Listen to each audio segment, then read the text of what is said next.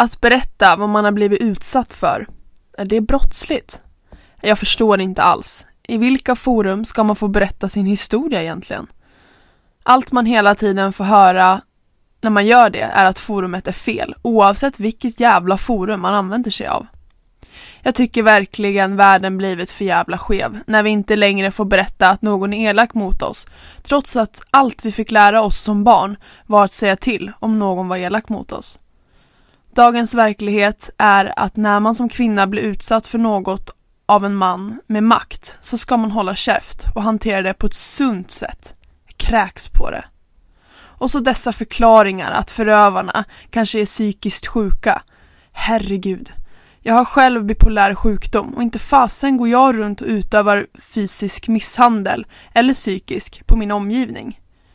Jag ska sprida ordet i min omgivning, kanske lättare för mig som inte har något offentligt namn inom denna inskränkta islandshästvärld. Heja er tjejer, låt dem inte tysta ner er.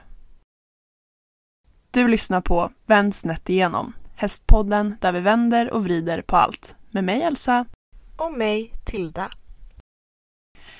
Det är måndag och ett eh, nytt avsnitt i denna, eh, ja, denna värld i eldlågor just nu. Precis, jag sökte efter något liknande men Ja. jag hittar inte. Nej, eh, nu är vi tillbaka. Eh, förra veckan, eh, det blev inte riktigt som planerat men eh, vi fick lösa det utefter vad det var. Exakt. Det blev ett mellanavsnitt där Ja. i torsdags.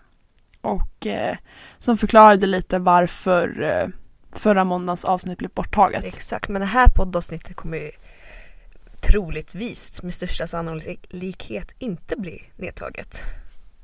Nej, precis. Vi eh, kämpar vidare och tänker inte låta någon tysta ner oss. Så denna vecka är det ju som sagt dags att lyssna på historier från er lyssnare. Exakt, era Ni har- upplevelser. Ja. Ni har skickat in historier till oss och eh, vi har valt ut några eh, som eh, har sagt att det är okej att vi läser upp det i podden. Ja.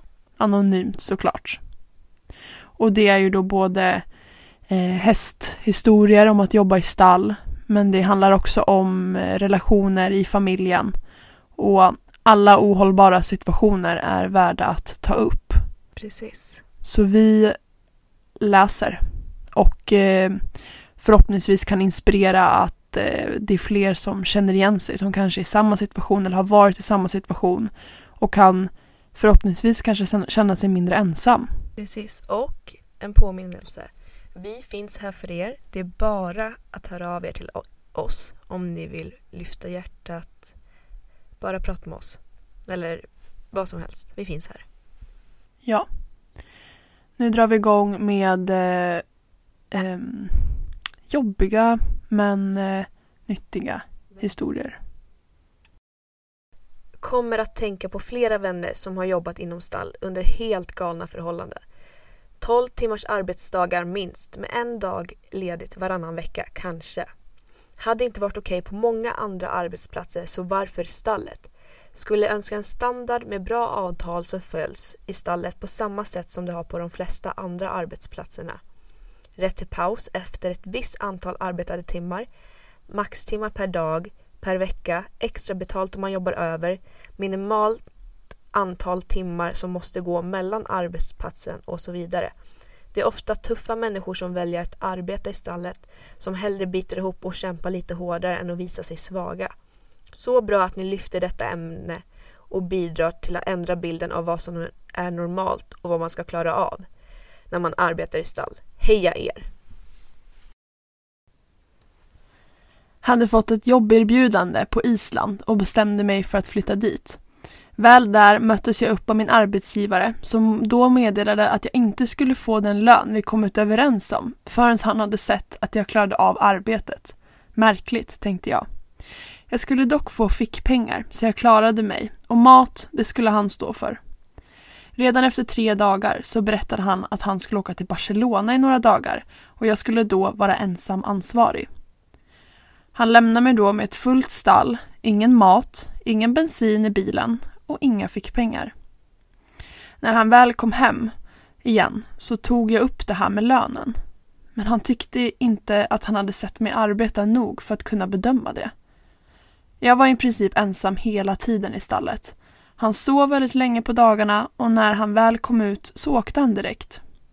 Situationen blev ohållbar när han började påpeka hur dåligt jag mockade, fodrade och red hans hästar trots att jag oftare frågade om det jag gjorde var rätt. Fickpengarna jag fick, efter mycket tjat, var cirka 200 kronor, vilket inte räckte till mycket med tanke på att jag nästan fick betala hela maten själv jämt. Till slut så packade jag mina väskor och åkte därifrån till en annan gård. Mycket obehaglig och ledsen, ledsam upplevelse. Jag fick även höra av den nya gården jag kom till att jag inte var den första som fått flytta därifrån. Jobbade på en stor gård under sommarlovet när jag var 14 år.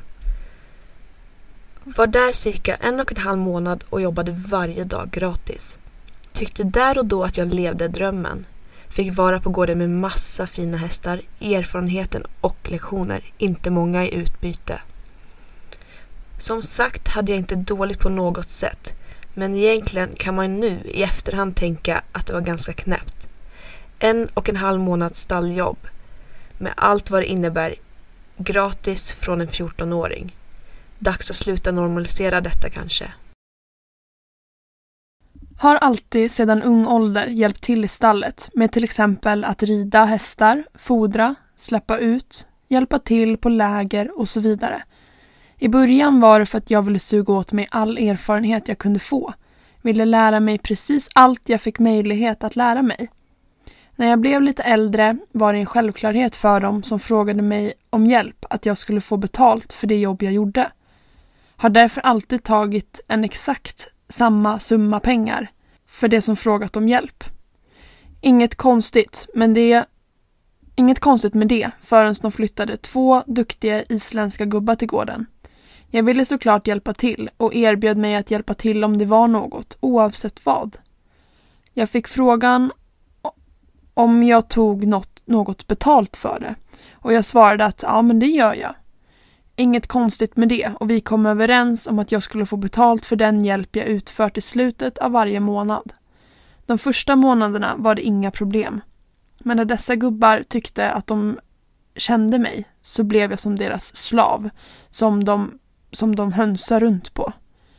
Efter ett tag var de skyldiga mig en stor summa pengar men vägrade att betala. Deras argument var att jag var en för ung tjej jag var alltså 17 år då och gjort det jag, det jag hjälpte dem med hela livet. Slutade med att mina föräldrar sa upp dessa gubbar och det blev ett himla liv. Och hur de hanterade sina hästar och på vilket sätt de behandlade dem ska vi inte ens prata om. Det var sjukt. Vart ska jag börja?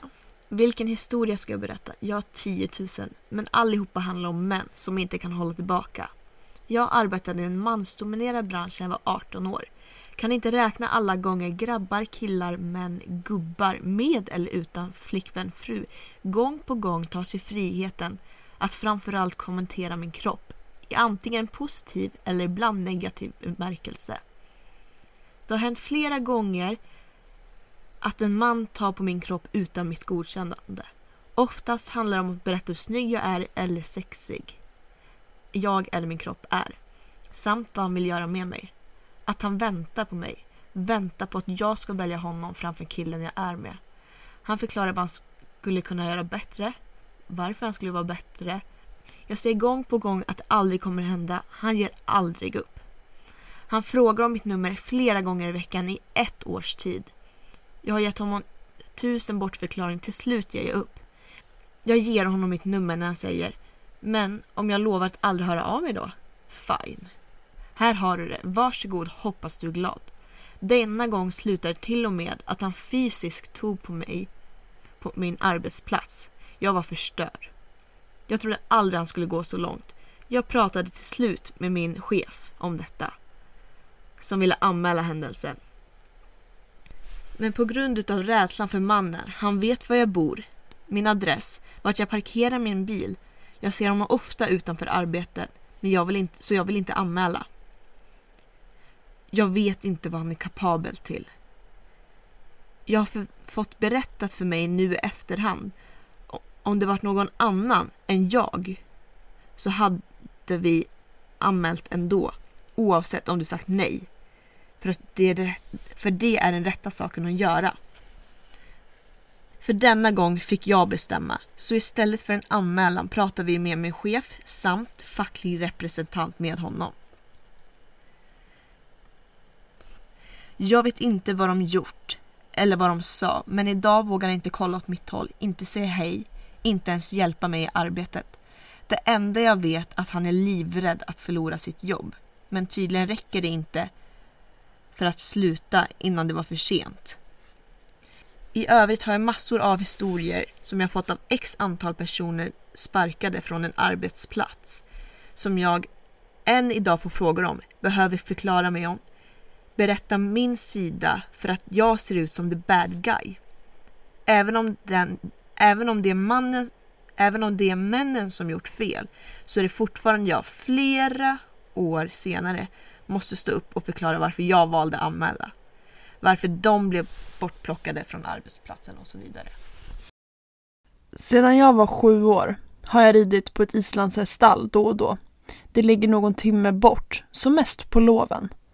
Stallägaren är en familjekompis uppvuxen bredvid min mormor och vi har alltid haft en väldigt personlig relation. De senaste två åren har jag jobbat där men under denna sommarens ridläger blev jag så uselt behandlad och jag såg så mycket hemskt bakom kulisserna. Inte bara var hon otrevlig utan kunde skälla ut oss ungdomsledare för saker vi inte fått information för på förhand. Som att särskilda elever var känsliga och inte fick pushas för hårt. Överbokade ridlägerna så hårt att hela verksamheten vilade på att vi ledare hade med oss våra egna hästar för att hålla i turerna. Hade samtidigt turridningar och sommarridskola som resulterade i att vissa hästar gick sjuka åtta timmar på en dag. Jag tog med mig min häst dit med tanke på lugnt sommarbete men han behövde gå massor av turridningar, dubbla två timmars turer när jag själv tyckte att han var halt. Och till och med gå in på ridlägren som ett, med ett barn. Allt detta för att hon så gärna ville ha pengar, att hon fullbokar precis allt. Hästarna går hur mycket som helst och när en häst blev skadad räckte ju inte hästarna. Så att min egen häst måste gå in i hennes verksamhet utan att jag får något val. Det blir betydligt värre. När jag kommer hem får jag ett sms. Hej! Betet, det kostar 2000 kronor.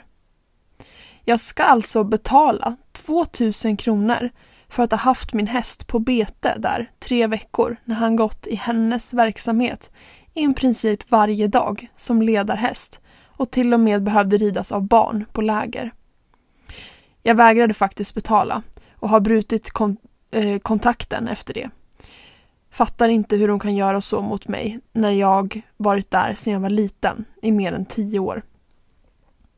Dessutom snål lön, avdrag på lönen för att jag gått iväg och fodrat min häst på arbetstid. När jag faktiskt gjorde det efter 22 på kvällen. Och bara en extremt otrevlig attityd.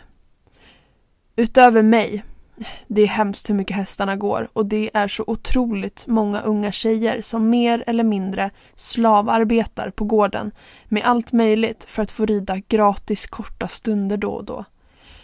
Då menar jag klippa ogräs på gården flera timmar per dag, vilket även min kompis som också ridit där i över tio år behövde göra för att ens få vara där. Turridningarna hålls av ensamma 13-åringar som inte får betalt i mer än den gratis ridning som att leda turen innebär. Det här blev väldigt långt men jag tycker att det är så himla sjukt att sånt här pågår i vår islandssport.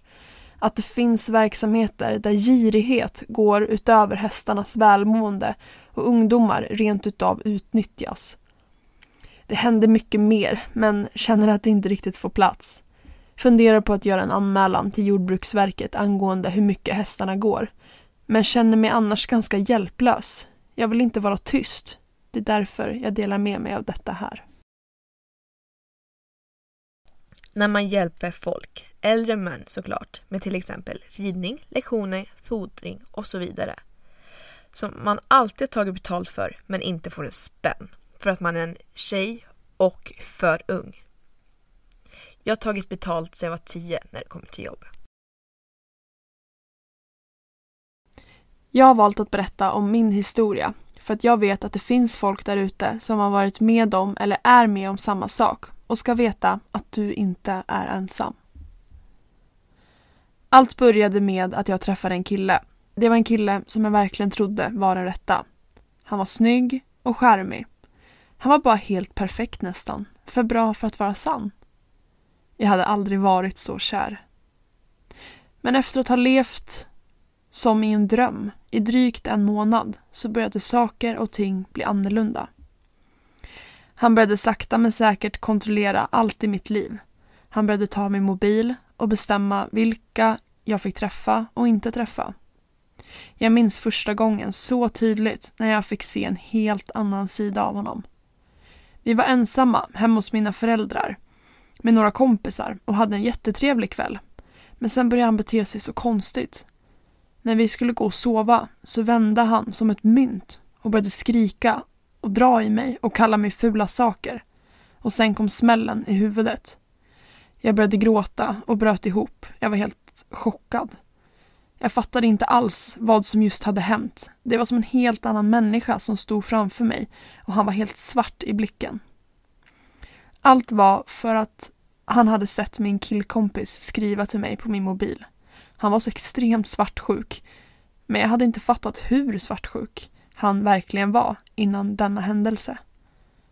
Och det var och det var där ett helt år av helvete började.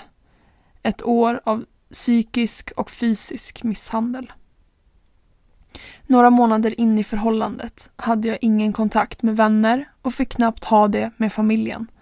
Jag fick aldrig träffa någon eller gå någonstans utan honom. Fick knappt åka till skolan och om jag nu gjorde det så ringde han mig var tionde minut för att veta vart jag var och med vem jag var.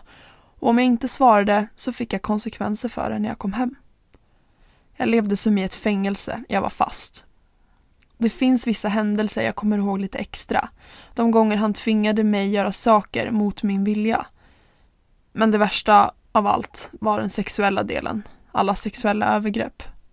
Jag blev slagen och illa behandlad varje dag och fick höra varje dag hur äcklig, ful och meningslös jag är. Och att ingen älskar mig på riktigt utom han. Inte ens min familj gör det. Nästan varje gång han hade gjort något började han gråta och tycka synd om sig själv och säga Snälla, lämna mig inte. Vilket alltid slutade med att jag fick skuldkänslor och tyckte att allt var mitt fel. För det var det jag fick höra hela tiden, att allt är ditt fel. Och det är dig det är fel på, och det är inte mig. Det här är det du förtjänar. Så jag kunde inte lämna. Men det fanns de gånger då jag faktiskt försökte att lämna och bryta upp på riktigt. Men det slukade, slutade likadant varje gång. Våld eller hot. Allt blev bara värre och värre för varje dag som gick. En gång trodde jag verkligen att allt var slut. Det var under sexuell handling då han försökte strypa ihjäl mig. Och det glömmer jag aldrig. Det bara svartnade för mina ögon och jag trodde verkligen att det är nu jag dör. Men i sista stund släpper han taget och säger Du trodde inte du skulle komma undan så lätt va? Jag hade tappat bort mig själv och jag visste till slut inte vem jag var längre. Jag ville inte något mer. Jag ville inte leva längre. Och jag tänkte att antingen kommer han att ta livet av mig eller så kommer jag själv att göra det. Han försökte med allt för att jag skulle vara fast med honom för alltid. Han gömde mina p-piller för att göra mig gravid. Han sa att vi skulle ha barn redan nu, vilket jag inte ville för jag var bara 15 år och jag var själv bara ett barn. Men han lyckades med det han ville och jag blev gravid. Men jag tackar gudarna för att han aldrig märkte det. Men jag fick genomgå en abort. Helt själv, vilket var väldigt tufft. Ingen i min omgivning visste om något, men vänner och familj började märka att något inte stämde. Men jag försökte bara hålla alla utanför allt för att jag visste att om någon fick veta så skulle allt bara bli mycket värre för mig. Min bästa vän gillade verkligen inte honom och märkte att jag inte var mig själv längre. Jag var ovanligt frånvarande från skolan och betedde mig skumt. Vissa gånger hörde hon till och med när han kallade mig fula saker och såg blåmärken på min kropp, men jag hade alltid bortförklaringar till allting. Innan han och jag blev tillsammans så sov hon och jag väldigt ofta. Vi skrev mycket med varandra och pratade om allt. Men sen så blev det mindre och mindre av allting för jag fick inte träffa henne för han förstod att hon märkte att något var fel. Men en dag då lyckades jag övertala honom att få sova med min bästa vän. För vi hade ett prov i skolan som vi var tvungna att öva på och han gick med på det för första gången på väldigt länge. Och den dagen förändrades mitt liv. Vi satt och kollade film och bara hade det mysigt, men somnade till slut. Och då vaknar vi båda mitt i natten av att min telefon ringer och då är det han. Jag svarar och han börjar skrika på mig och var jättearg för att jag inte hade ringt eller skrivit godnatt till honom. Vilket jag då svarade, förlåt älskling, vi somnade. Då hörde min bästa vän allt han sa, hur äcklig, ful och meningslös jag är och att han önskade att han hade lyckats att ta livet av mig den gången han försökte och hotade att slå mig nästa gång han ser mig. Där tog det stopp för min bästa vän. Och hon tog bara tag i mig och sa, nu räcker det. Du måste lämna honom nu, annars kommer jag att göra det åt dig. Och jag sa bara upprepande gånger, jag kan inte, jag kan inte, jag kan inte. Men där och då samlade jag mig mod och jag lämnade honom. Och då började han gråta, tycka synd om sig själv och sa, du får inte göra så här mot mig. Du lämnar inte mig, det gör du inte. Du älskar ju mig. Och jag älskar ju dig. Men där la jag på samtalet. Efter det så kom allt. Det var som att hela muren bara rasar och, fasaden, och fasaden bara sprack. Jag kunde andas igen. Det var efter detta som jag började prata med folk i min närhet. Vad som faktiskt hade hänt under denna tid jag var med honom. Vad jag faktiskt blev utsatt för. Jag var så rädd. Han slutade aldrig ringa, skriva eller försöka få kontakt med mig. Han skaffade nya nummer hela tiden, men jag fortsatte att blockera. Efter hela händelsen så kunde jag knappt gå ut och inte träffa folk och absolut inte killar, för jag trodde alla var likadana. Vart jag än var så fanns det saker som påminde mig om honom eller något han gjort mot mig. Det kunde vara en doft, ljud, musik eller någon plats. Jag fick genomgå en traumautredning för att kunna komma vidare i livet och leva ett hyfsat normalt liv igen. Utan att konstant behöva kolla sig bakom axeln och vara rädd. I stunden var den fysiska misshandeln som var värst. Men i efterhand så vet jag att det var den psykiska som var värst, för det sitter kvar än i mig. För sår och skador är något som läker och blir ärr, men inte det, det psykiska. Det kommer alltid finnas med mig. Men du kan lära dig hantera det på rätt sätt. Idag är jag ändå tacksam för att han fick mig att inse att jag klarar av vad som helst och att jag är värd så mycket mer och jag är tacksam för allt stöd jag fått från vänner, familj. För utan er hade jag inte stått här så stark som jag är idag eller vågat dela med mig om denna händelse. Men av allt som hänt så har jag lärt mig att aldrig ta någon för givet och att lita på min magkänsla och att allt kan bli bra igen idag. Att allt kan bli bra igen. Idag bor jag med min sambo och jag är lyckligare än någonsin. Jag har alltid haft hästar och när jag var liten var det ju extra kul för kompisarna. Då jag bor granne med min dåvarande klasskompis som var lite mer populär än mig var det ju kul att vi kunde samlas hemma hos mig för att vara i stallet. Det var ofta frågan, kan vi vara idag? Och sedan när jag svarade absolut, men bara så du vet så är inte min mamma hemma så att vi kan inte rida. Då var alltid svaret efteråt, oj, Ja, mina föräldrar sa nej nu, men vi kan ju vara någon annan dag. Och sedan gick de och frågade en av sina riktiga vänner om det kunde vara. Eller som den gången jag var själv med en av de populära tjejerna och vi var ute i stallet. Och sedan efter det frågade om vi kunde gå upp och vara hos min granne. För det var mer kul. Jag kände mig väldigt utnyttjad och det händer fortfarande fast på ett lite mer äldre sätt då jag nu är 15.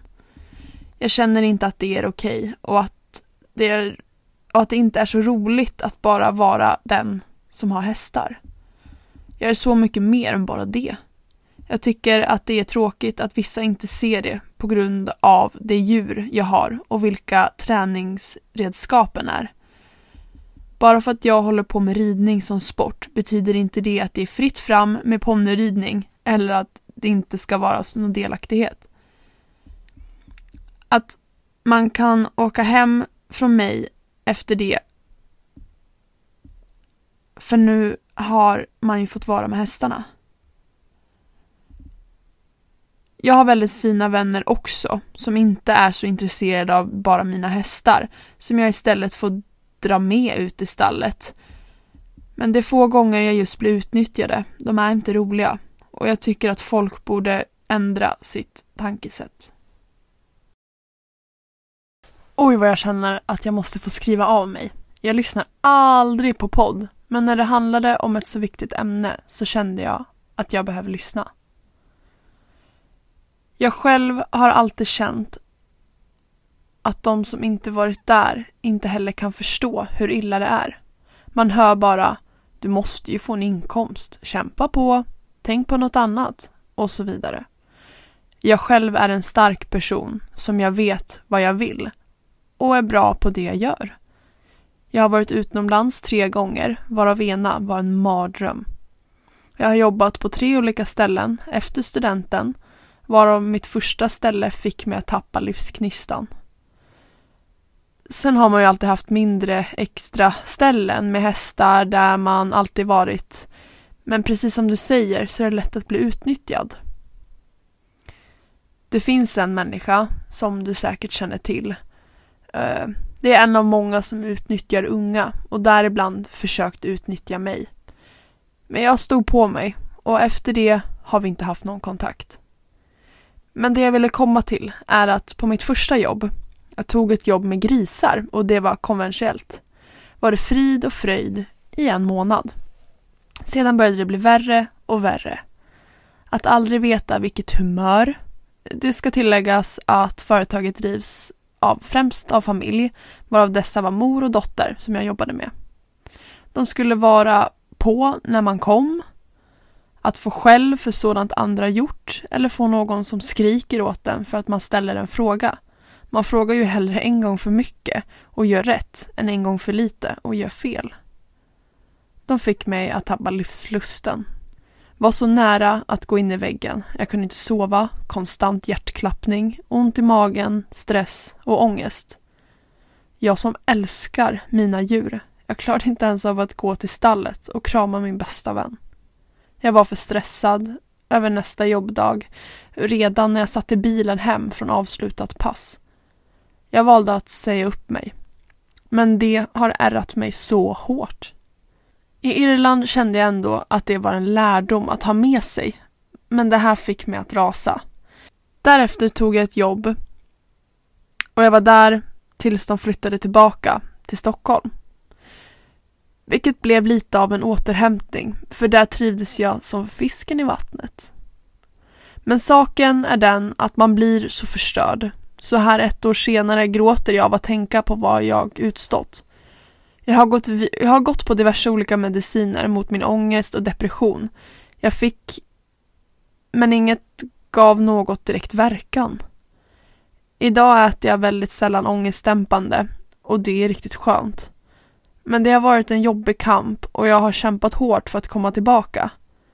Idag är jag tillbaka till stallet och jag mår bättre än jag gjort på väldigt lång tid, vilket jag är stolt över.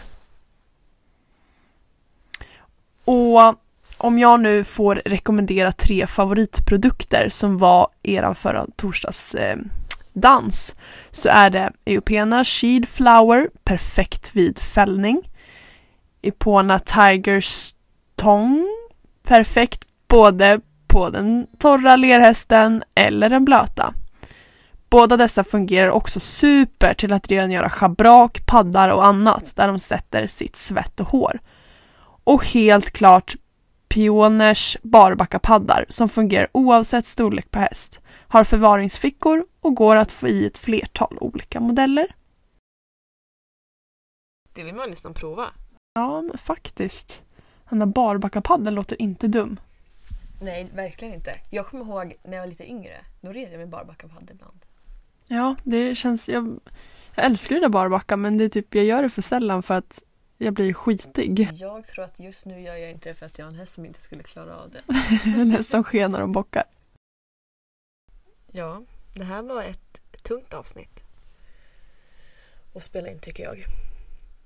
Det var inte så positivt men otroligt, otroligt viktigt och inspirerande av att våga stå upp för sig själv och eh, våga säga ifrån, tycker jag. När jag var liten blev jag slagen av min fosterfamilj om jag inte följde det de tvingade mig att göra. Jag hade tider när jag fick vara inne och när jag var tvungen att vara utomhus. Och jag fick aldrig göra roliga saker. Och något som tog hårt på mig, det var när de oftare eldade upp mina leksaker för att jag inte städade undan ordentligt. Eller om jag råkade att göra något fel. Jag har en till liten eh, en eh, kortis, men det här är också bara så sjukt. Eh, jag fick skriva på papper om att inte anmäla en av mina före detta chef för sexuella trakasserier. Det pågick i ett år. Oh my god! Alltså... tack för att ni har skickat in alla historier. Verkligen. Stort, stort tack. Jättestort av er att göra. Modigt och viktigt. Ja. Ehm, det är förhoppningsvis, eh, vi har fått några meddelanden om att eh, folk har lyssnat och uppskattar det men att de inte är redo att berätta det än men att de hoppas att en dag kunna gå ut och berätta det. Och jag hoppas att en, eh, ett sånt här avsnitt kan hjälpa andra att också våga prata om det. Och våga säga ifrån, våga stå upp för sanningen. För vi ska inte tystas ner. Nej. Tilla, tre saker du är tacksam över. Jag är tacksam över alla som har skickat in sina upplevelser och berättelser. Ni är otroligt modiga ja, helt fantastiskt. Jag är jätteledsen att ni har varit med om det här men tacksam för att ni vågar dela och jag hoppas att ni mår bra. Sen är jag tacksam över eh, min nya kurs som har börjat i skolan. PR och kommunikation. Svårt för jag är ingen riktig skrivare. Men Eller kanske läsare. Jag är varken skrivare eller läsare. Nej. Eh, och sen så är jag tacksam över eh, ridpasset som jag hade i, vilken dag var det? I tisdags med dig. När du hjälpte mig. För att jag börjar känna, nej men jag känner stor skillnad där. Nu de två dagarna jag ridit henne efter. Så verkligen. Och du då Elsa? Jag är tacksam över att eh, jag själv har eh, delat med mig av min historia på ett eller annat sätt. Att jag har tagit mig ur det. Och är eh, lyckligare än någonsin idag. Jag är otroligt tacksam för eh, familj och vänner jag har runt mig som har stöttat mig genom hela min resa med mitt förflutna. Och som har peppat och pushat och funnits där. Sen är jag eh, tacksam över att jag har kommit på en ny frukost. Vad är din nya frukost? Ja, men jag har ju fått craving nu för eh, eh, rostad macka, smör, norsk majonnäs, baströkt skinka, tomat och eh, tryffelsalt. Gott. Ja det har jag faktiskt ätit och den är svingod. Eller, ja, tomat. Jag har, alla äter ju tomat på macka men jag har aldrig gjort det. Det är så jäkla gott. Det är skitgott och sen är jag ett sånt fan av tryffel. Ja. Så tryffelsaltet är magic. Magical. Men jag tänkte berätta en sak för dig nu. Okej. Jag tänkte berätta veckans bild. Ja, just det. Ja. Yay. Så veckans, den här veckan, är veckans bild. Vi är alltså ute efter veckans höstbild. Och eh, då, för att delta, eller hur säger man? Ja. För att delta så kommer, ska ni lägga upp en bild i storyn på en höstbild med häst. Ja, eller flödet. Ja, Spilling, reeling. spilling reeling. Ja, så antingen ska du lägga upp en bild på din story eller ett inlägg på Instagram, eller Facebook funkar ju också. Ja. På en höstbild med en häst och tagga mig och Elsa. Och sen i slutet av veckan så kommer vi välja ut den finaste höstbilden. Vi får välja en varsin då. då. Precis, och då den finaste höstbilden som vi tycker. Det är ju en... eh, Och en vad du tycker. Ja. Eh, och sen så kommer vi publicera den i våra kanaler. våra flöden. Precis. Ett inlägg blir det. Om det är okej såklart. Ja, det ser jag fram emot. Någon Vart det annan lite bild. där. Nej men alltså jag förstår. Eh, Do you get my point? ja, eh, vi ska ta en favorithöstbild. De som vill vara med och delta lägger upp en bild, antingen flödet, story, Facebook, taggar Elsa Tilda och vår favoritbild lägger vi upp i vårt flöde på Instagram. Tack för förtydligandet. Förstod jag det rätt? Det stämmer. Det stämmer. Återigen, tusen tack för allas historier. Jag eh, önskar att alla människor där ute eh, tar sig ur en eh, dålig relation eller situation eller vad det kan vara. Och att ni står på er och står upp för sanningen, står upp för er själva. Och bara mår bra helt enkelt. Prioritera dig själv. Ja, exakt. Och sen ser jag fram emot att få se fina höstbilder. Ja, jag med. Jag älskar hösten. Jag vet, det är en sak. Älskar hästar eller älskar hösten? Jag gillar båda. Ja, ja okej, sant. En sak som en, jag kommer inte ihåg vem som sa det till mig. Kanske var en podd som jag lyssnade på. Och då säger de Det finns ingen annan människa som bryr sig lika mycket om dig som du. Nej, det är sant. Take care of you. Nu fick jag precis en... Eh, så här, jag har en motivation app. Ja. Får en eh, motivationspepp om dagen. Idag fick jag nu. Jag får klockan 12 varje dag. You will end up really disappointed if you think people will do for you as you do for them. Not everyone has the same heart as you. Passande. Passande. Lite så. Men du, nu eh, måste jag sticka. Jaha, var ska du då? Jag ska åka till Västerås och så ska jag eh, shoppa. Nej. Jag köpte ett nytt bett. Ja, Eh, men jag behöver faktiskt verkligen en vinterjacka. okej. Så jag ska köpa en vinterjacka och sen ska jag gå på, och ut och äta och gå på bio med familjen. Ja, du ska gå på nya Bond-filmen. Oh my god, jag är så avundsjuk. Ja. Jag, eh, den är dock tre timmar och jag har lite svårt att sitta still i tre timmar och de har förbjudit mig att ta med min stickning. Så jag vet inte hur jag ska klara över det. Eller klara det. Men Du, jag kom på en sak. Jag tänker att eh, Emily, min syster, frågade ju dig igår om du kunde lära henne sticka.